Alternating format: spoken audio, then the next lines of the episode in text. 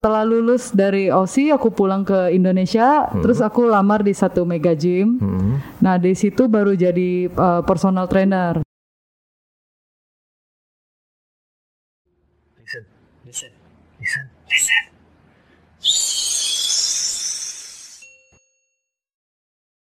Oke, welcome back Healthy People. Balik lagi sama gua Paul di sini dan gua kali ini ngadirin satu orang narasumber yang dibilang oke ya.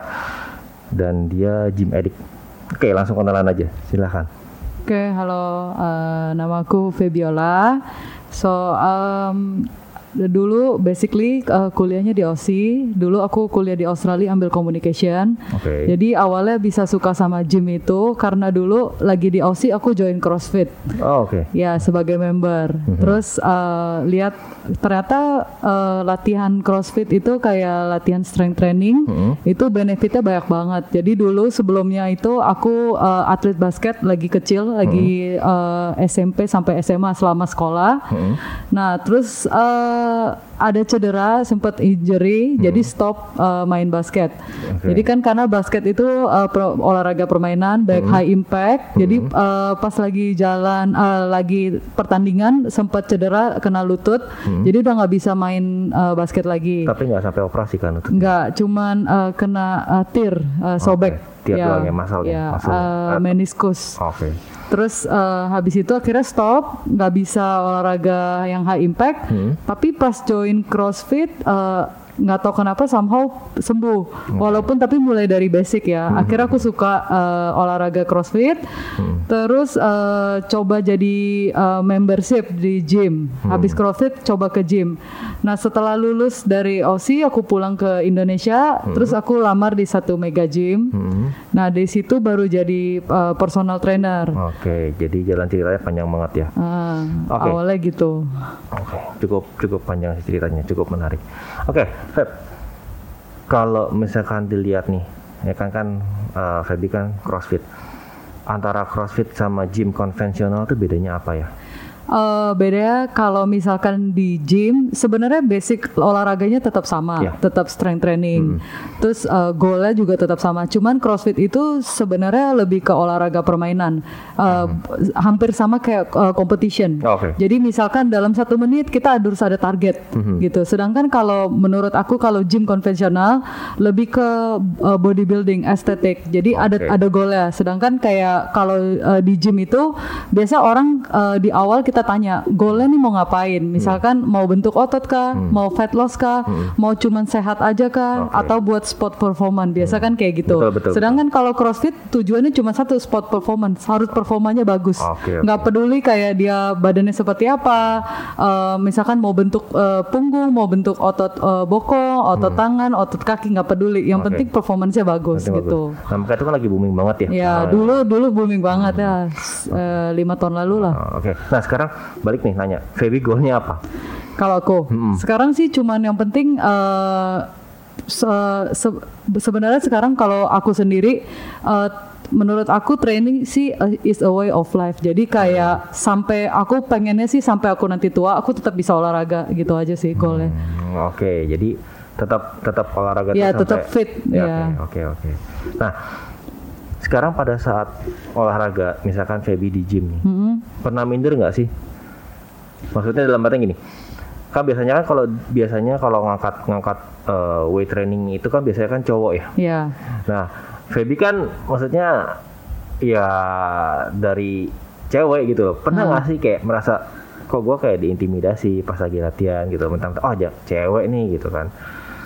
Eh, awalnya sih iya kayak diliatin uh, apa gimana takut gitu. Cuman kan karena aku belajar, maksudnya aku dalamin bagian ya yang aku suka strength training, latihan di gym. Jadi aku tahu teknik yang benar. Jadi kan begitu orang lihat oh ternyata dia cewek tapi dia bisa ngerti teknik, ngerti formnya bagus, angkatannya kuat. Oh ya udah.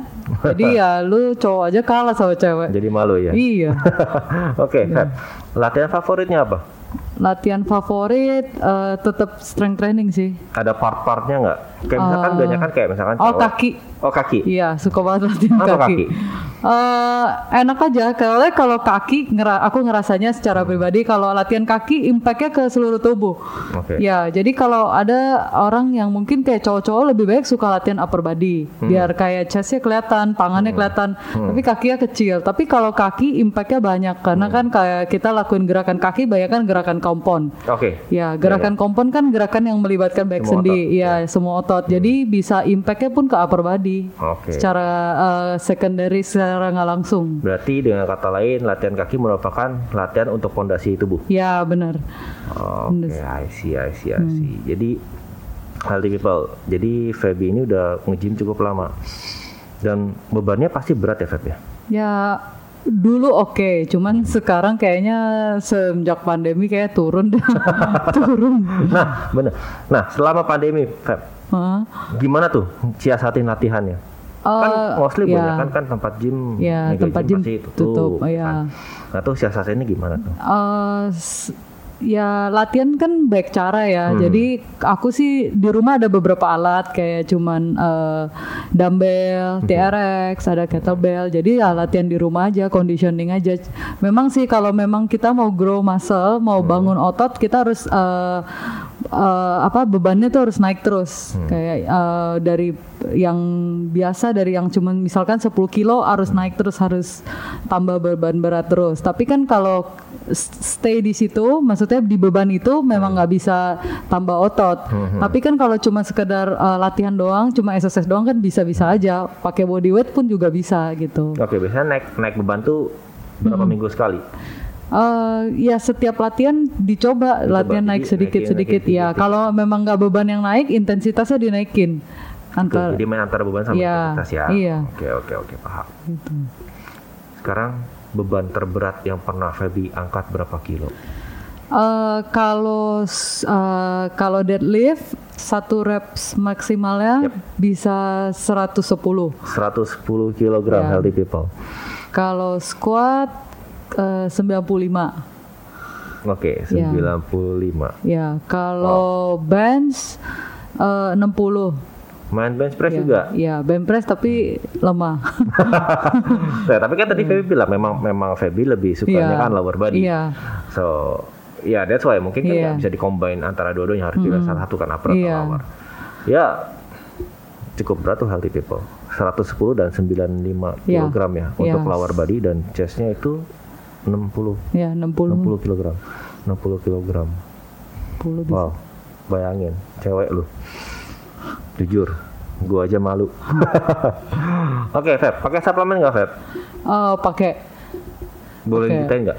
Eh, kalau suplemen ah, pakai eh, banyak sih. Kalau yang basicnya ya susu, whey, whey protein. Hmm. Kalau latihan pakai BCAA. Mhm. Eh, kalau lagi eh, serius, Hmm. kadang pakai antara pre-workout atau fat burn. Oke, bisa tolong dijelasin nggak?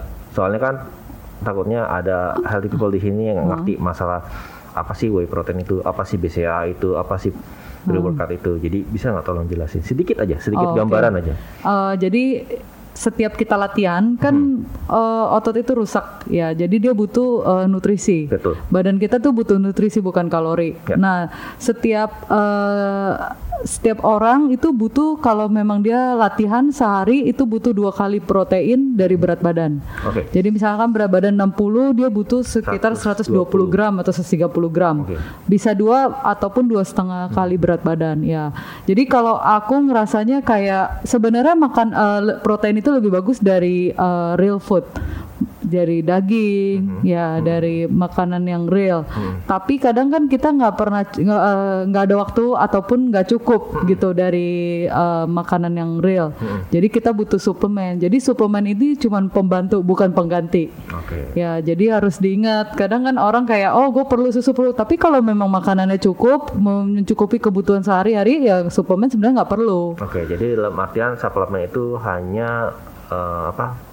Support ya untuk. Ya, buat support kalau memang kebutuhan hariannya kurang, gitu aja sih. Jadi kalau cukup Ya, ya. cukup sih enggak. Kalau cukup nggak perlu. Oke, paham, paham, paham. Nah, Feb, kan Feby badannya keker nih. Kayak kan? minder nggak sih? Pernah minder nggak sih? Eh, ya kalau oh, buat orang yang nggak ngerti nge-gym, yang nggak ngerti bodybuilding pasti lihat kayak gila itu cewek keker banget gitu. Kayak dia- ya mereka kan nggak ngerti. Oh. Ya tapi kalau buat orang-orang yang eh, biasa fitness pasti ya udah ngerti lah, udah pasti. Pernah nggak ditanyain kayak gitu, Feb, badannya keker banget, Feb, gitu kan. Ya pernah kayak keker banget lu suntik ya apa gitu. kayak langsung ngejudge saya yang aneh. Suntik vitamin gitu suntik aja. apa? Oke. Terus kan eh, selama dari yang dari OC, terus Hah? injury, terus CrossFit, akhirnya sembuh. Sekarang masih ada masih ada keluhan lagi nggak? Eh, sekarang udah nggak ada, Sama sekali. udah nggak ada ya. Jadi benar-benar udah sembuh ya. Eh, udah sembuh sih. Soalnya aku sekarang kan eh, ngebela- ngajar pilates juga. Ya. Oh ya, ini salah satu instruktur pilates juga Healthy People. Jadi, tapi di sini kita nggak bahas tentang masalah eh, Feby ngajar pilates, tapi di sini kita lebih ibaratnya kita lebih bahas dulu dia tentang eh, gym ediknya. Ya, karena nanti untuk pilatesnya kita akan bicara di lain episode, next episode-nya gitu. Jadi kita pengen tahu dulu Feby seperti apa gitu. Nah, Feb, kenapa eh, dulu milih jadi seorang personal trainer? Eh, karena suka sih ya. Soalnya dulu sebenarnya kuliahnya bukan bagian eh, fit, eh, bagian olahraga, bu- bagian kerja kantor gitu Yes. kuliahnya, bagian media segala macam. Terus aku pernah coba lagi kuliah itu aku magang di salah satu kayak eh, stasiun TV lah, kayak koran, koran jurnalis gitu. Aku nggak bisa ternyata duduk eh, duduk diam belakang komputer nggak bisa nggak betah. Tapi pas aku coba di gym berjam-jam tahan-tahan aja gitu. Jadi di situ aku sadar oh aku nggak bisa kerja duduk, aku harus berdiri harus gerak. Kenapa nggak pas lagi kerja di kantoran berdiri aja gitu? Udah udah coba naik turun naik turun bosan nggak ada kerjaan gitu duduk doang kerjaannya duduk nggak bisa. Aku mesti kayak gerak mesti iya mesti bergerak lah pokoknya gitu jadi waktunya tuh kayak panjang banget kalau duduk rasanya gitu jadi aku ngerasa kayak oh kayaknya bukan di sini bagian aku gitu Terus apa yang yang Feby alami selagi menjadi seorang personal trainer? Pasti ada suka dukanya dong. eh apa ya Sebentar, sebentar. Sebelumnya menjadi seorang personal trainer berapa lama? di Mega Gym eh, satu tahun Satu tahun. ya Oke, selama satu tahun itu pasti ada ada suka, ada duka gitu kan.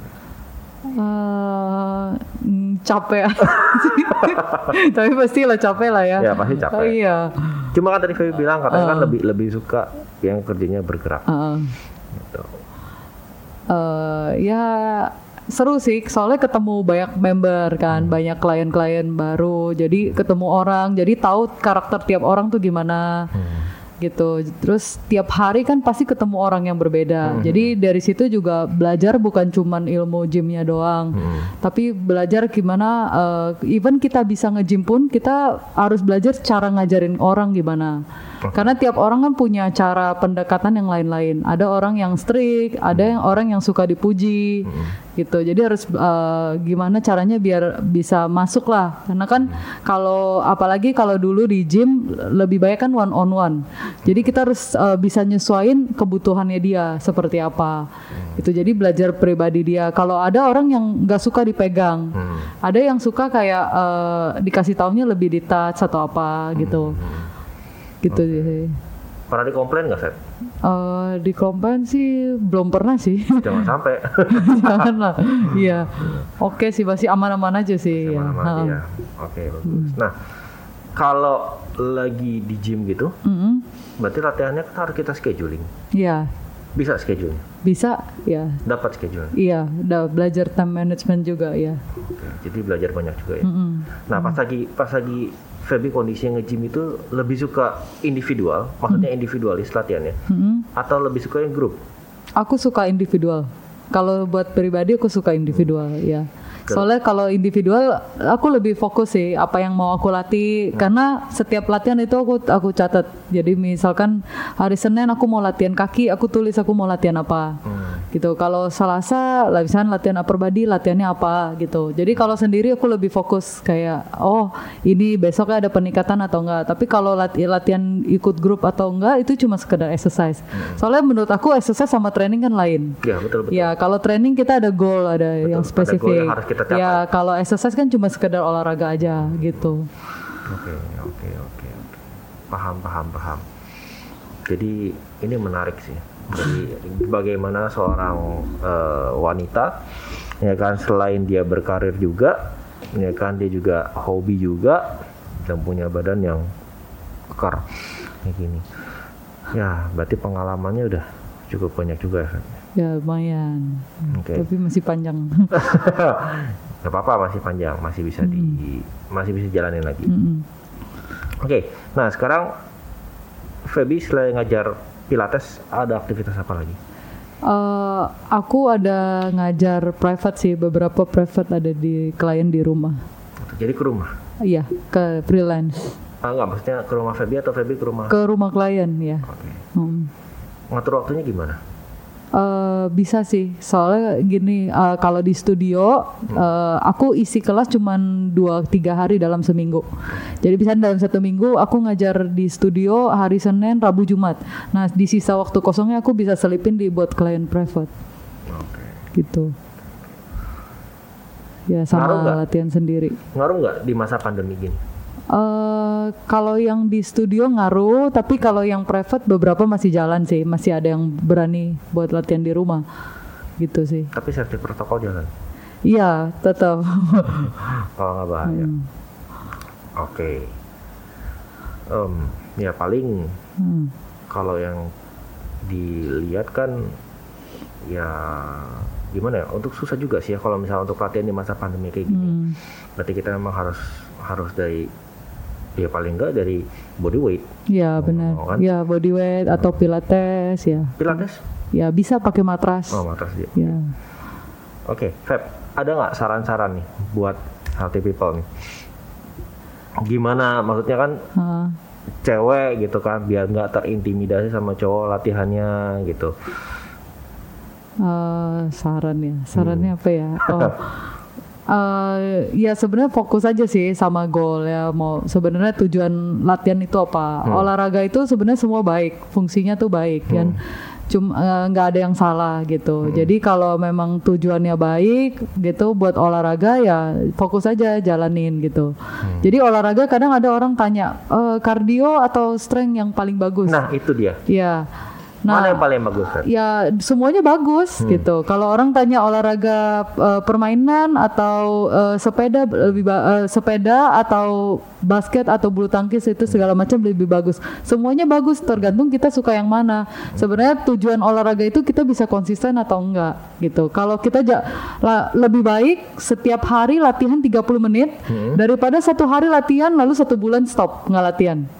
Jadi sebenarnya kuncinya itu konsisten. Kalau kita suka sama satu hal eh, olahraga apa pun itu jalanin. Kalau konsisten pasti ada perubahan dari fisik kita, cari ga- gaya hidup, ya lebih lebih baik lah. Oke oke. Gitu. nah tadi Feby ngomong tentang masalah cardio Ah, atau strength training. Nah pasti kan dua dua ini punya kelebihan dan kekurangan masing-masing nih. Ya. Ya kan? Menurut Feby lebih cepat yang mana cepat untuk apa nih? untuk uh, ya bukannya uh, bu- turunin berat badan ya, Ya, tapi buat turunin kadar lemak atau fat loss, Eh, lebih cepat strength training. strength training. Iya. Kenapa? Ya, soalnya uh, when you uh, you have more muscle, you burn more fat gitu. Kalau cuman kalau kardio doang, sebenarnya dua-dua penting. Jadi mungkin uh, bisa dikombin antara strength dengan kardio. Cuman tetap strength itu kayak basicnya. Mhm. Jadi uh, kalau misalkan kita kardio aja, olahraga kardio, oke kurus tapi nggak ada pembentukan, nggak ada pembentukan. Karena strength training itu tujuannya buat uh, pembentukan tubuh, gitu. Kalau ada orang yang memang suka cuman tipis aja, buang kalori ya, udah defisit kalori, lakuin banyak kardio, udah pasti tipis kurus. Ya, tapi kalau memang mau pembentukan otot atau uh, ada goal lagi yang lebih spesifik buat uh, strength training lebih banyak benefit daripada kardio, Hmm, gitu sih. jadi strength training lebih penting. Iya lebih penting lah.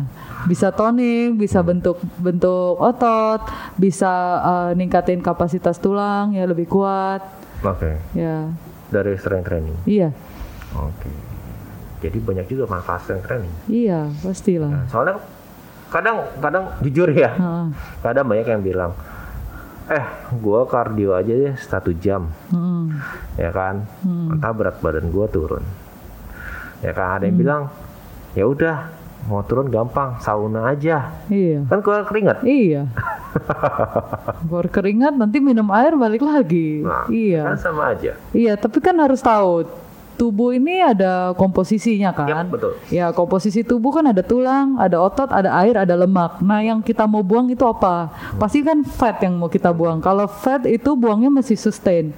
Kalau air, misalkan kita eh, bangun pagi nggak minum kita timbang beratnya bisa misalkan 50 terus habis itu kita minum satu satu liter naik 51 ya itu kan air nanti kalau misalkan eh, buang air kecil hilang lagi baba- gitu. Jadi kadang orang cuman lihat dari measurement dari timbangan. Padahal sebenarnya bukan itu bukan cuman timbangan doang yang perlu diukur. Secara visual cara ukuran gitu. Yang berkurang ini apa gitu. Makanya kalau timbangan biasa lebih kalau di gym itu ada yang spesifik timbangannya. Jadi kalau kita timbang ada ketahuan berapa kadar ototnya kadar lemaknya kadar air gitu. Jadi belum tentu dengan orang berat yang sama komposisi badannya sama secara visual. Oke, berarti pengaruh dari genetik juga nggak? Eh, ada. Ada. ada pengaruh ya. Tipe badan genetik ada pengaruh. Nah, baik lagi nih Feb ke dunia gym. Selama setahun Febi berkarir di dunia gym, Mm-mm. pasti ada dong member yang success story-nya lebih tinggi dibanding member yang lain. Hmm, member success story oh ada Ada. ada Nah, dia dia tujuannya ngapain, Feb? Eh, tujuannya sih eh, Apakah dia mau fat loss, dia mau build muscle? tujuannya fat loss sih pasti ya Oke. itu jadi itu member dulu pas baru datang beratnya 125 ya Cowok kan? cewek Cewek. cewek ya Oke. terus eh, jalannya susah gitu jalan ke gym. Terus dia aku tanya pertama kali aku cuma tanya gini goalnya apa? Terus kata dia aku cuma pengen jalan keliling mall tanpa rasa engap karena dia jalan naik eskalator aja dia capek dia Oh, bilang ya gitu.